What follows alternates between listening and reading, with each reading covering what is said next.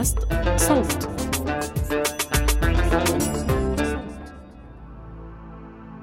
غادرت اليمن إلى العالم في سنة 2013 باتفاق خفي بيني وبين عقلي إني ما برجع لها أبدا. مرت السنوات. Normally, being a little extra can be a bit much, but when it comes to healthcare, it pays to be extra.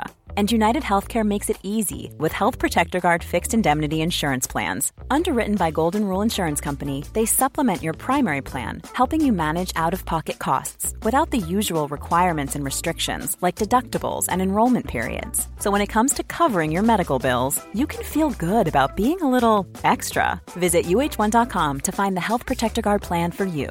Hey, it's Ryan Reynolds, and I'm here with Keith, co star of my upcoming film, If, only in theaters, May 17th. Do you want to tell people the big news? All right, I'll do it. Sign up now and you'll get unlimited for $15 a month in six months of Paramount Plus Essential Plan on us. Mintmobile.com slash switch. Upfront payment of $45 equivalent to $15 per month. Unlimited over 40 gigabytes per month. Face lower speeds. Videos at 480p. Active Mint customers by 531.24 get six months of Paramount Plus Essential Plan. Auto renews after six months. Offer ends May 31st, 2024. Separate Paramount Plus registration required. Terms and conditions apply if rated PG. وتغيرت الأحوال وقعت حرب أنهكت مسقط رأسي وقلبي حن حن للوطن. اشتقت لحضن أمي ولرائحة البخور العالقة في شعرها. اشتقت لبي لأخواتي لصديقات الطفولة لحارتي في صنعاء لغرفتي. اشتقت لليمن وحنيت. لكني كنت عارفة أن العودة صعبة إنه حتى الزيارة صعبة ومكلفة في ظل الأوضاع الأمنية ومطار صنعاء المغلق. ذكرت نفسي إنه هذا كان خياري. وأتحمل كامل مسؤوليته. اخترت أطير بعيدا عن العش. اخترت طريق استكشاف العالم في الخارج كانعكاس لحاجتي للترحال في الداخل. وهكذا سلمت للوضع ووصلت طريقي. إلى أن وصلتني رسالة قلبت كل الموازين. فرصة دعوة لزيارة اليمن مرة أخرى لكنها محفوفة بالمخاطر. اشتعلت كل مخاوفي. ورجع الصوت الخفي يذكرني إن إحنا قطعنا وعد ما نرجع لليمن أبدا. حرب داخلية. عقلي يحاول بكل الطرق يخلينا نرفض الفرصة وقلبي مستميت في إقناعها إنه نرجع حتى لو معناه إنها بتكون المرة الأخيرة. مرحبا فيكم في بودكاست بر بحر. معاكم سمية جمال بنكيس وأنا صانعة محتوى مهتمة بالترحال والأنثروبولوجيا.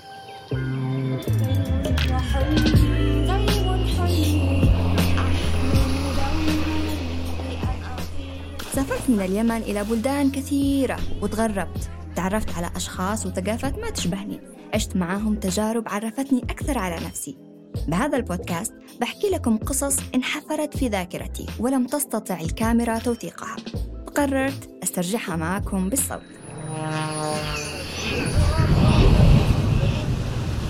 اعتبروها رحلة بين ذاكرتي وخيالكم.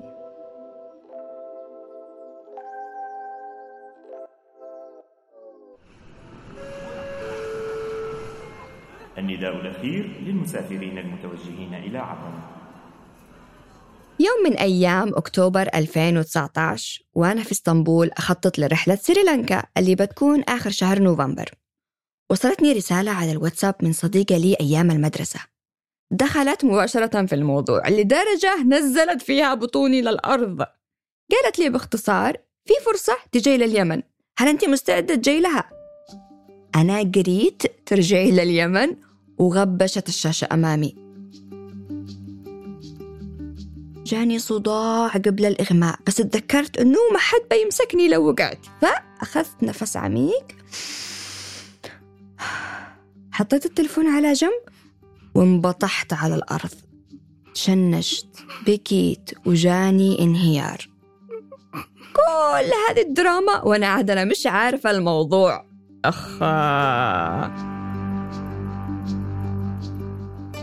بعد ما خلصت انهار عاطفيا رجع عقلي لمكانه بعد العاصفة.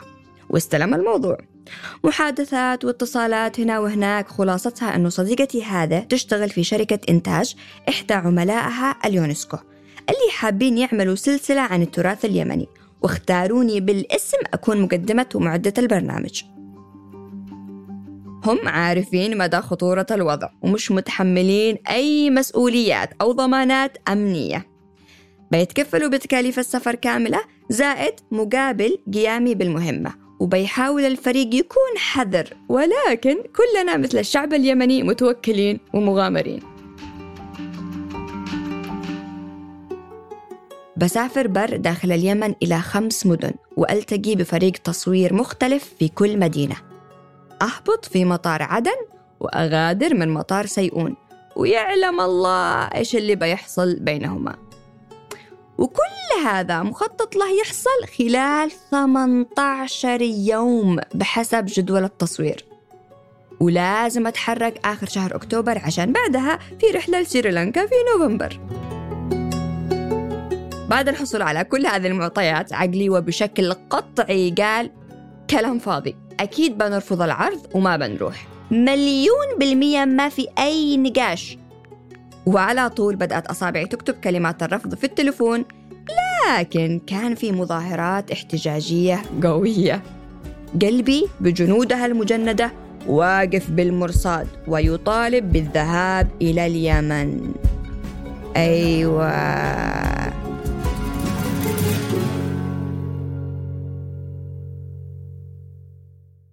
بعد جدال طويل دام أيام بين عقلي وقلبي قررت أعطي قلبي واليمن فرصة. وهكذا بدأت الرحلة من مطار إسطنبول إلى مطار القاهرة وترانزيت أكثر من 18 ساعة في غرفة صغيرة في مكان ما في المطار. مليانها يمنيين جوازات سفرهم نايمة في يد ضابط مصري ومش مسموح لنا نروح لا يمين ولا شمال لحد ما تجي طيارتنا لأنه مصر تحتاج فيزا. ما نقدر ندخل لها. كذا السفر بالجواز اليمني. والحمد لله على كل حال. بدل ما أبكي حظي إني ما أقدر أقضي ليلتي في إحدى مقاهي القاهرة وين كان نجيب محفوظ يكتب رواياته أخذت دفتري والقلم ورحت أدردش مع اليمنيين اللي محشورين معي عن التراث اليمني وعن الأماكن اللي لازم أزورها في كل مدينة. لأني لما سألت نفسي إيش أعرف عن التراث؟ كانت إجابتي ولا شيء. ولما دخلت أسأل جوجل كانت صفحات البحث فاضية مثل مخي. استحيت كثير من جهلي بس شميت الفرصة المتخبية خلف الشعور بالعار هذا. فرصة إني أسافر اليمن كسائحة.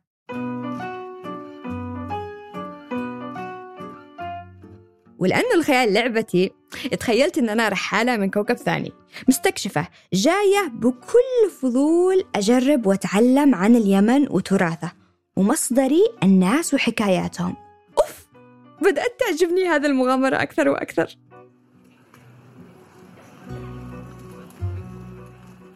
في مطار القاهرة قبل ما تقلع الطيارة رحت أغير ثيابي.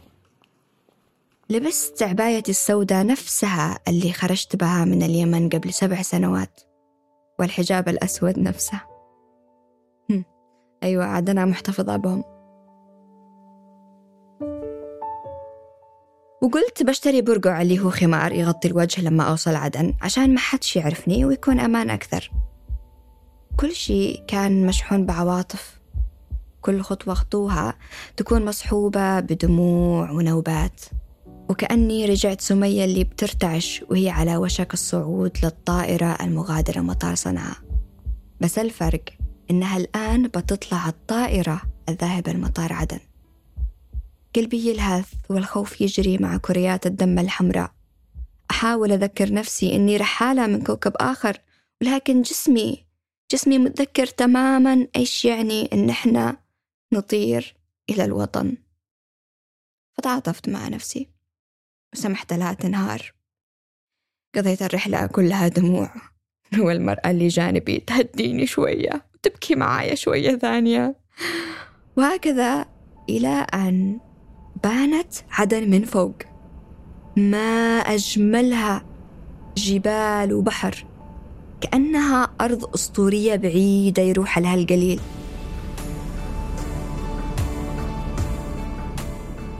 امتلأ قلبي حماس ورجعت الطفلة الفضولية اللي داخلي تنط وترقص متحمسة للمغامرة القادمة. قطعت حماسي مضيفة الطيران وهي تقول أوه انت البنت اللي في النت تتكلم عن الجواز حقنا. قصتها الفيديو اللي اشتهرت بسببه وأنا أحكي معاناة السفر بالجواز اليمني. قلت لها أيوه بس شش ما حدش عارفنا أنا رايحة اليمن. غمزت لي ووعدت تحتفظ بالسر.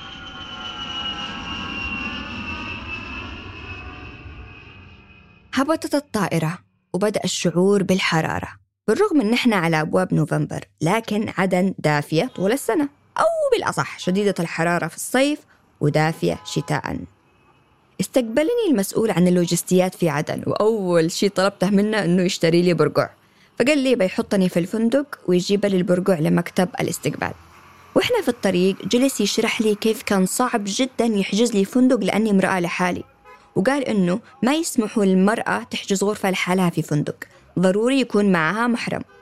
وهذه معلومة أول مرة أسمع عنها وما كنتش عارفة إذا شيء جديد بعد الحرب استحدثوا ولا هو موجود من زمان لأني أول مرة أسافر لحالي داخل اليمن وأول مرة أروح عدن لحالي وأول مرة تطأ أقدامي أرض الوطن بعد الحرب.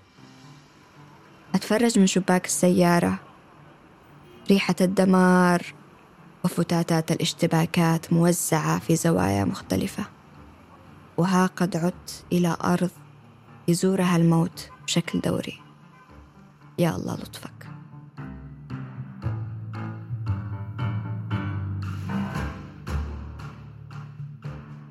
وصلت غرفة الفندق ارتحت شوية. وصل البرقع اتلثمت.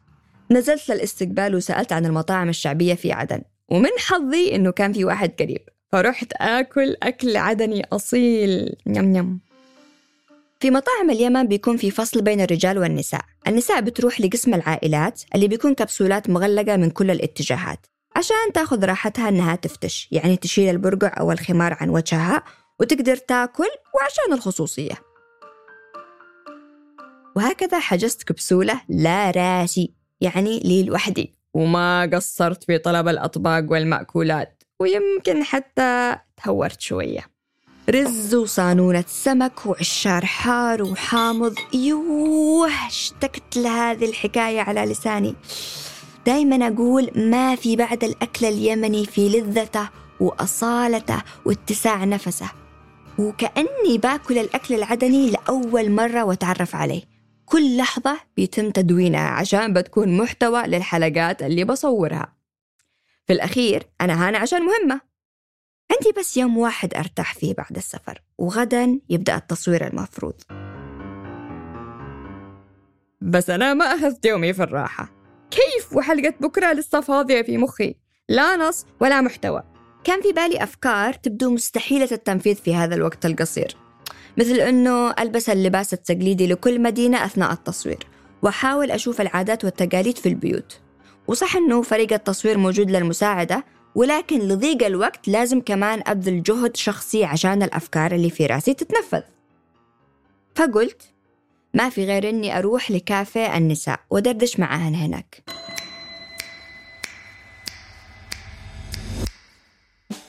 هذه المهمة لشخص انطوائي تعني كابوس. بس من قال إنه هذه الرحلة بتكون سهلة أصلا؟ رحت وقلبي يدق. دخلت الكافيه وكان منظر مختلف. كل الموجودات نساء حتى العاملات. صدقا أول مرة أدخل كافيه كله نساء. رحت في الزاوية طلبت القهوة وجالسة أراقب وأشغل قدرات شيرلوك هولمز النسوي اليمني للتحري. من شكلها قابلة للحوار؟ ومن ممكن ما تصرعني وتتمسخر فيني لو أسألها؟ ممكن أجلس جنبك ونبدأ نتكلم. حسيت نفسي محشورة ومش قادرة أتحرك. تجمدت أوف ما توقعت يكون الموضوع صعب لهذه الدرجة. بعد ما تعبت من التفكير يبدو أنه ما في شيرلوك بداخلي أصلا. اخترت طاولة بالحظ. واللي بعدين عرفت أنه اسمها الحدس بعد ما تعلمت أوثق فيه أكثر وأكثر. أخذت أنفاس عميقة تشجعني أدخل المعركة ورحت للطاولة. سألت المرة ممكن أسألك كم سؤال؟ استغربت مني. كل الكافيه فجأة تحولت أنظارة تجاهي وشافتني النسوة كائن غريب مثير للاهتمام. يو إيش الورطة هذه؟ ردت المرة تفضلي. جلست جنبها وانخرط لساني بالحديث. وشوية شوية جمعت نسوان ثانيات وشاركونا القعدة. وبعدين طلبنا شيشات وصرنا ندخن ونضحك وصرنا كلنا صحبة. ونضحك من داخل بطني. كيف هذه الجلسة حلت كل مشاكلي؟ واحدة من النساء بتعيرني اللبس التقليدي العدني الذي اسمه شيدر عشان ألبسه وقت التصوير. والثانية هي وبنتها بيعزمونا للبيت ويلبسوني لبس العروسة العدنية مع البخور والخبز العدني وكل تقاليد العرس.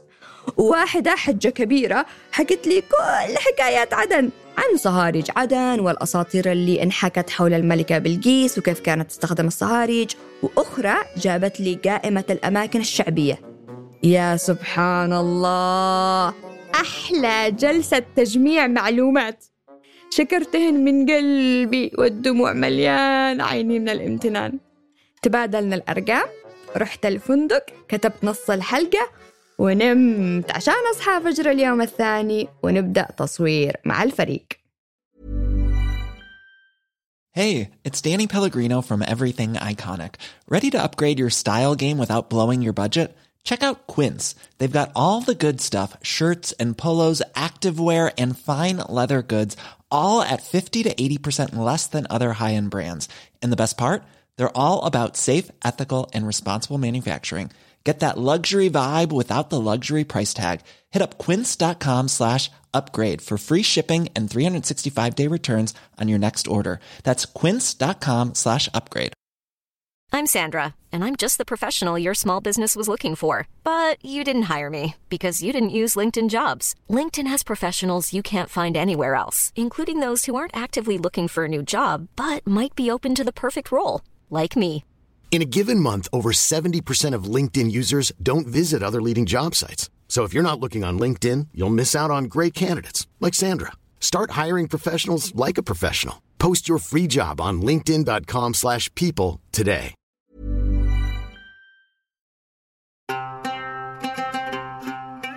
لبست الشيدر العدني واللي هو عبارة عن قطعة ملونة منقوشة بالأخضر الفاتح والأبيض. تغطي الوجه وفوقها قماش كبير واسع أسود مزخرف وحريري يغطي الجسم كامل. وأكون ماسكة له طول الوقت بيدي.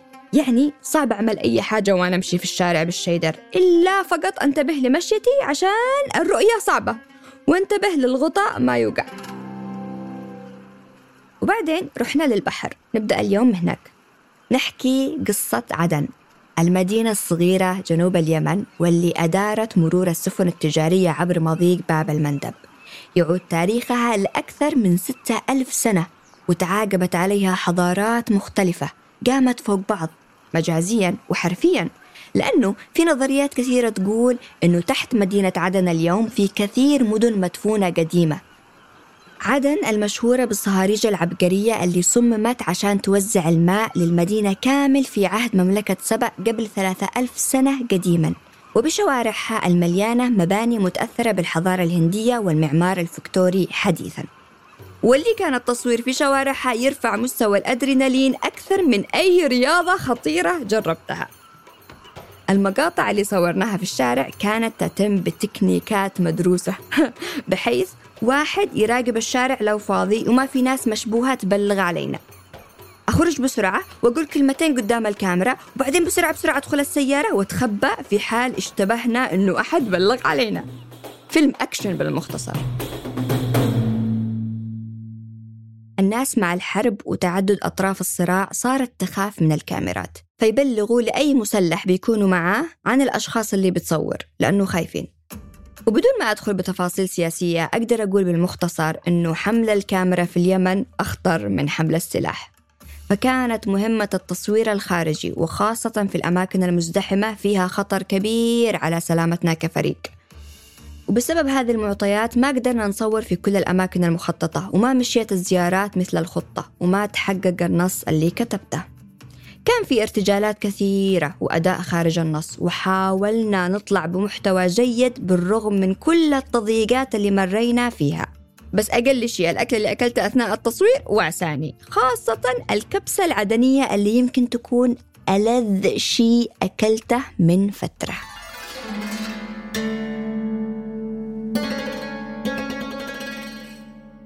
بعد ثلاثة أيام في عدن ودعت فريق التصوير المغامر اللي حسيتهم مثل أخوتي لأنه عشنا مغامرات كأنها أشهر في هذيك الثلاثة أيام.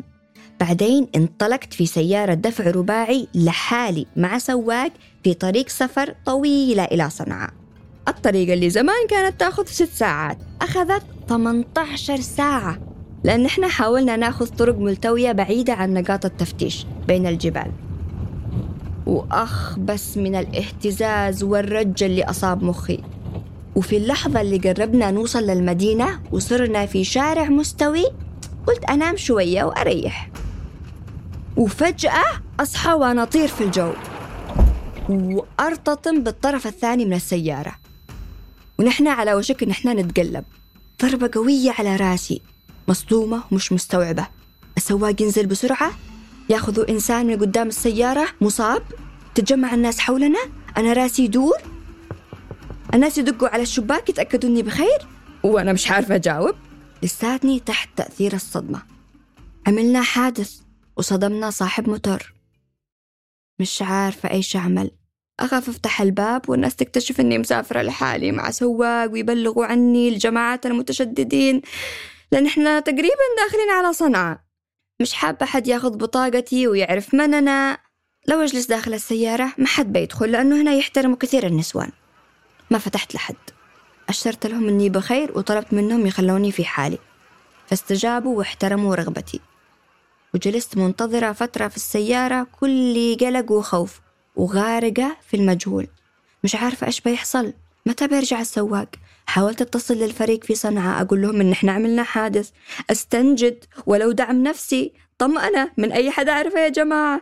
شوية وردوا علي وطمنوني. وبعد فترة رجع السواق. وكان قد حل كل شيء. أسعفوا صاحب الموتور اللي تأذى وأصيب بجروح وإن شاء الله إنه يكون بخير. حاولت أبتلع صدمتي وخوفي عشان نواصل. وهكذا دخلت صنعاء. مدينتي اللي ولدت فيها وتربيت واللي صارت ملامحها مغبشة. عندي فيها وقت قليل. طلبت من الفريق يوم إضافي فاضي ما فيه تصوير عشان أحاول أحشر فيه زياراتي لكل أحبابي. كان صعب إني أزاحم أحضان أمي وأبي وخواتي وخالاتي والعائلة الممتدة وصديقاتي في 18 ساعة خاصة بعد غياب سبع سنوات. من أجمل وأصعب اللحظات اللي عشتها. ما حد كان عارف إني موجودة. فجأة يجيهم اتصال مني. الكل ما زال محتفظ بأرقامه مثل ما تركتها. دموع وإغماءات وأحضان لوم وعتب وحب خصام وتصالح. كل التناقضات الإنسانية جمعة اجتمعت في يوم. يوم أبدي بطعم الخلود.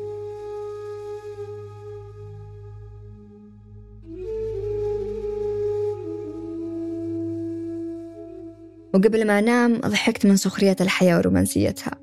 وامتلأ قلبي بالامتنان وقلت في نفسي لو بس أخوض رحلة في سبع بحار عشان أحضن أمي ولو لثانية فقط. كنت بعملها ألف مرة.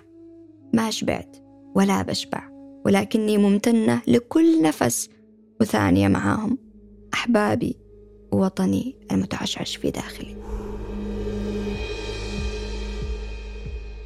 صنعاء مدينة عجيبة مرتفعة تحفها الجبال من كل صوب. يحوط المدينة القديمة سور وأربعة أبواب كبيرة باقي منها واحد خالد. باب اليمن العظيم. دخلته وأنا لابسة الستارة اليمنية مغطاية من راسي لا رجلي بألوانها ونقوشاتها الحمراء والزرقاء. أمشي بين أزقة صنعاء القديمة في الصبح بعد طلوع الفجر رائحة الكباب المشوي ودخانه يتراقص مع أشعة الشمس في الشوارع الضيقة. وخلفي كاميرا التصوير المتخبية بحذر وخوف. لسه المدينة بتصحى. دخلنا أحد المطاعم الشعبية ناكل فطور صنعاني. ألذ كباب في الحياة. مع بهارات ما تلاقيها إلا في صنعاء. وزحاوق اللي هو خليط من الطماطم والبهارات. زلابيا واللي هي عجينة مقلية لذيذة ناكلها مع برعي. برعي واللي هو طبق بقوليات يسبح في مرقة سوداء مثل الفحم. طعمها مدخن وغني بالمذاقات المختلفة. وسبب لونها هو بهار صخري يستخرجوه من الجبال. يضيفوه للأكلة فيضيف لها طعم مميز ولون أسود قاتم. بعدين خرجنا نصور الأسواق القديمة. إلى أماكن صياغة العقيق اليمني المشهور ومحلات الفضة اللي أغلبية قطعها من شغل اليهود اليدوي. اليهود في اليمن تاريخهم عريق وهم كانوا أصحاب الحرف. أغلب التراث اليمني المتعلق بالمجوهرات والفضيات كان شغل اليهود اللي عاشوا جنبا إلى جنب في سلم مع المسلمين إلى أن طردوهم بالرغم من أنهم يمنيين تماما أبا عن جد. وما بقي إلا قليل يهود في اليمن. الناس طيبة في صنعاء. وأكرموني بالضيافة في كل المحلات من عصائر تراثية وشاي ومشروبات إلى عزومات على أكل وتجربة المكسرات والبهارات الغنية. بس يا فرحة ما تمت. فجأة وأنا في نص السوق القديم رجال يصرخ في وجهي بشكل هستيري وينادي بحرقي. ليش؟ عشاني مرة أصور قدام كاميرا وعشان مش لابسة جوارب تغطي رجلي. وقتها غضبت وكنت أشتي أتشاجر معه. بس الفريق مسكني وهداني ودخلنا في إحدى المحلات نتخبى وبعدين اختفينا. الوضع المضحك المبكي والتناقضات العجيبة في صنعاء. وكيف انتهى بنا الحال؟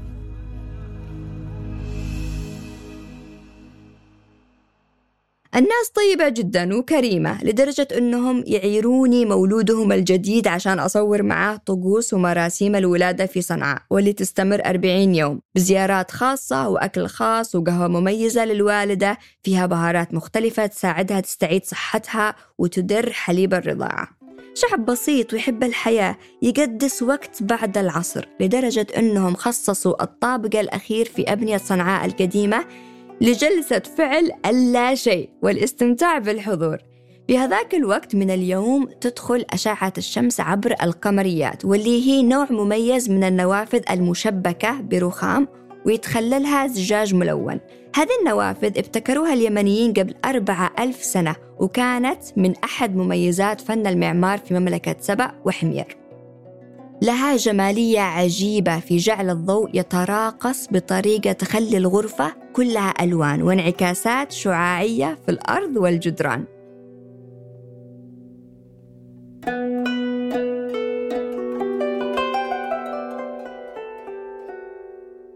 وعند هذا النور يجتمع أهل البيت ويتبادلوا أطراف الحديث أو يجلسوا في صمت وتأمل لانعكاسات الشمس عبر القمريات إلى حين الغروب. وفي أغلب الأحيان خاصة بعد دخول القات لليمن يكونوا في جلسات تخزين وتعاطي للقات والتتن اللي يدخنوه مثل الشيشة باستخدام حاجة اسمها المداعة. ويشربوا ماء مبخر طعمه من الجنة.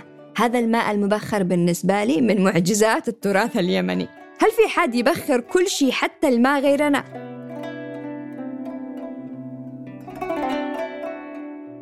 قبل ما أغادر صنعاء كان لازم أعمل مغامرة شديدة الخطورة. بس بنظري تستحق.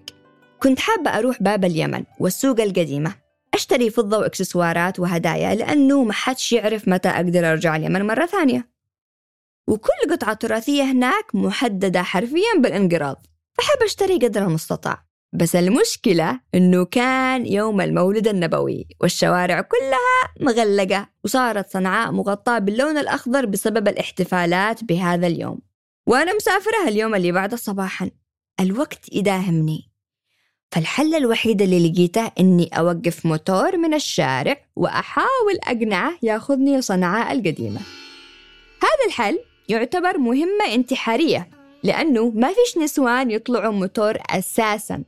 ويزيد الموضوع سوءا إنه خلف رجل غريب مش محرمها في شوارع صنعاء. الله! يعني لو وقفونا وسألوا على بطايقنا وشافوا إنه ما نقرب لبعض أنا والرجال ندخل الحبس ونتبهذل. مجنون أنا! ما كان لازم أعمل هذا الشيء والصراحة مش أنا فخورة فيه. هذه من التهورات اللي ما لها داعي ومبالغ فيها. بس صارت بعد محاولات عديدة لإقناع أصحاب الموتورات أرسل لي الله واحد مجنون مثلي. وافق ياخذني من الطريقة الوحيدة المفتوحة واللي هي خلف الجبل. يعني أين إذنك يا جحا؟ نطلع الجبل وننزل وندخل صنعاء من الطريقة اللي كانوا يتسللوا منها الغزاة. وبدأت المغامرة. سمية تركب موتور وهي ملثمة في صنعاء. كان شعور ما قدرش أوصفه. خليط من الخوف والتمرد والثورة والتحدي. وفي نفس الوقت الحرية خاصة بعد ما طلعنا الجبل وصارت الطريق فاضية. بس نحن وجبال صنعاء اللي كانت مقبرة كل غازي. وسمية وسواق موتور غريب بنطير مع السحاب.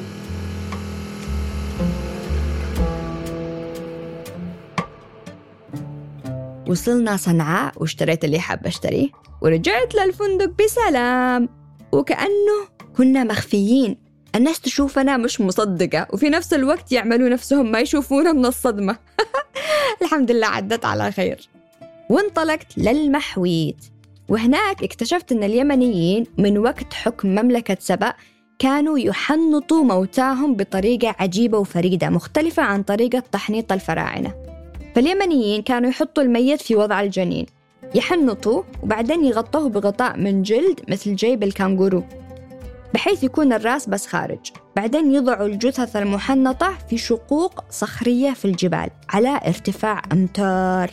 حتى أنه بعضها كان يحتاج فريق تسلق متكامل ومحترف عشان يتسلق للشق ويخرج المومياءات اللي هناك. لسه مش عارفين علماء الآثار كيف كانوا القدامى يضعوا موتاهم في هذيك الشقوق. أنا شخصيا لما شفت الشقوق قلت هذا بس الجن قادر يطير المومياء ويحطها هناك في الشق. وهذه واحدة من ألغاز كثيرة في اليمن. طريقة التحنيط لحالها كانت مثيرة للاهتمام بحسب الأبحاث أنهم استخدموا بهارات ومواد ونباتات محلية ومختلفة عن اللي يستخدموها الفراعنة وبالتالي ما أخذوش التحنيط منهم.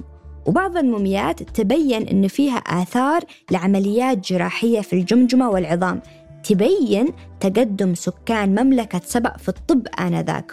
وهناك في المحويت بيوت ومدن فوق الصخور والجبال. واحد يتعجب صدق كيف بنوها. انبهرت بكل شي شفته. صدق اليمن جميلة وغنية ولسه هذا بس قمة الجبل الجليدي. وما زال الكثير مخبى ويحتاج أمن واستقرار عشان سكان هذه الأرض يكتشفوا خباياها وأسرارها التاريخية.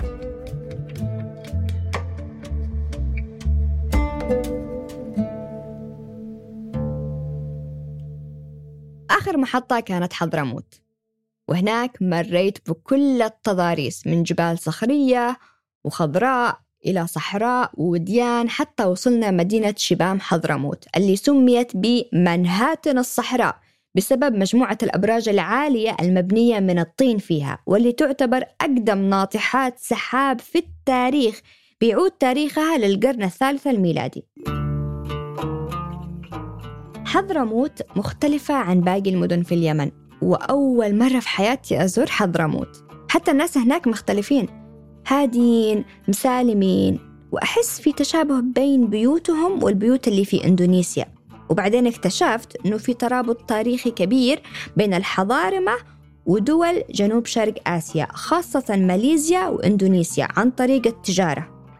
ثلاث أيام ما تكفي أتشبع بنسيج المدينة لكني أقدر أشعر بالاختلاف أول ما وصلت سيئون.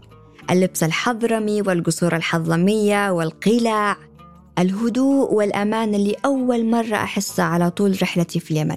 لابد من زيارة حضرموت وسيئون مرة ثانية ومنها لجزيرة سقطرى يا رب. هذه الرحلة علمتني درس عميق عن قوة وجهة النظر. قوة النظارة اللي نلبسها لما نشوف العالم. اليمن من وجهة نظر سائحة مختلفة تماما عن اليمن من وجهة نظر ابن البلاد. اليمن جميلة جدا ويمكن أجمل بلد زرتها للآن. غنية وأصيلة ومختلفة عن التشابه اللي أصاب العالم بعد العولمة. الناس ما زالت محتفظة بعاداتها وتقاليدها وفرادتها. الأرض ما زالت طبيعتها عذراء. هذه الزيارة مش محسوبة. بس رشفة تقول لي هذا البلد كنز. بذرة حلم إني يوما ما أرجع لها واستكشفها.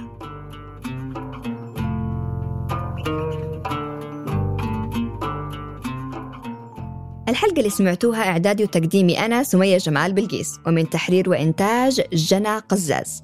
لو حابين ترافقوني في رحلة استرجاع مواقف من سفراتي اشتركوا في قناة بودكاست بربحر عبر التطبيق اللي تسمعوني منه حاليا. بودكاست بربحر من إنتاج صوت.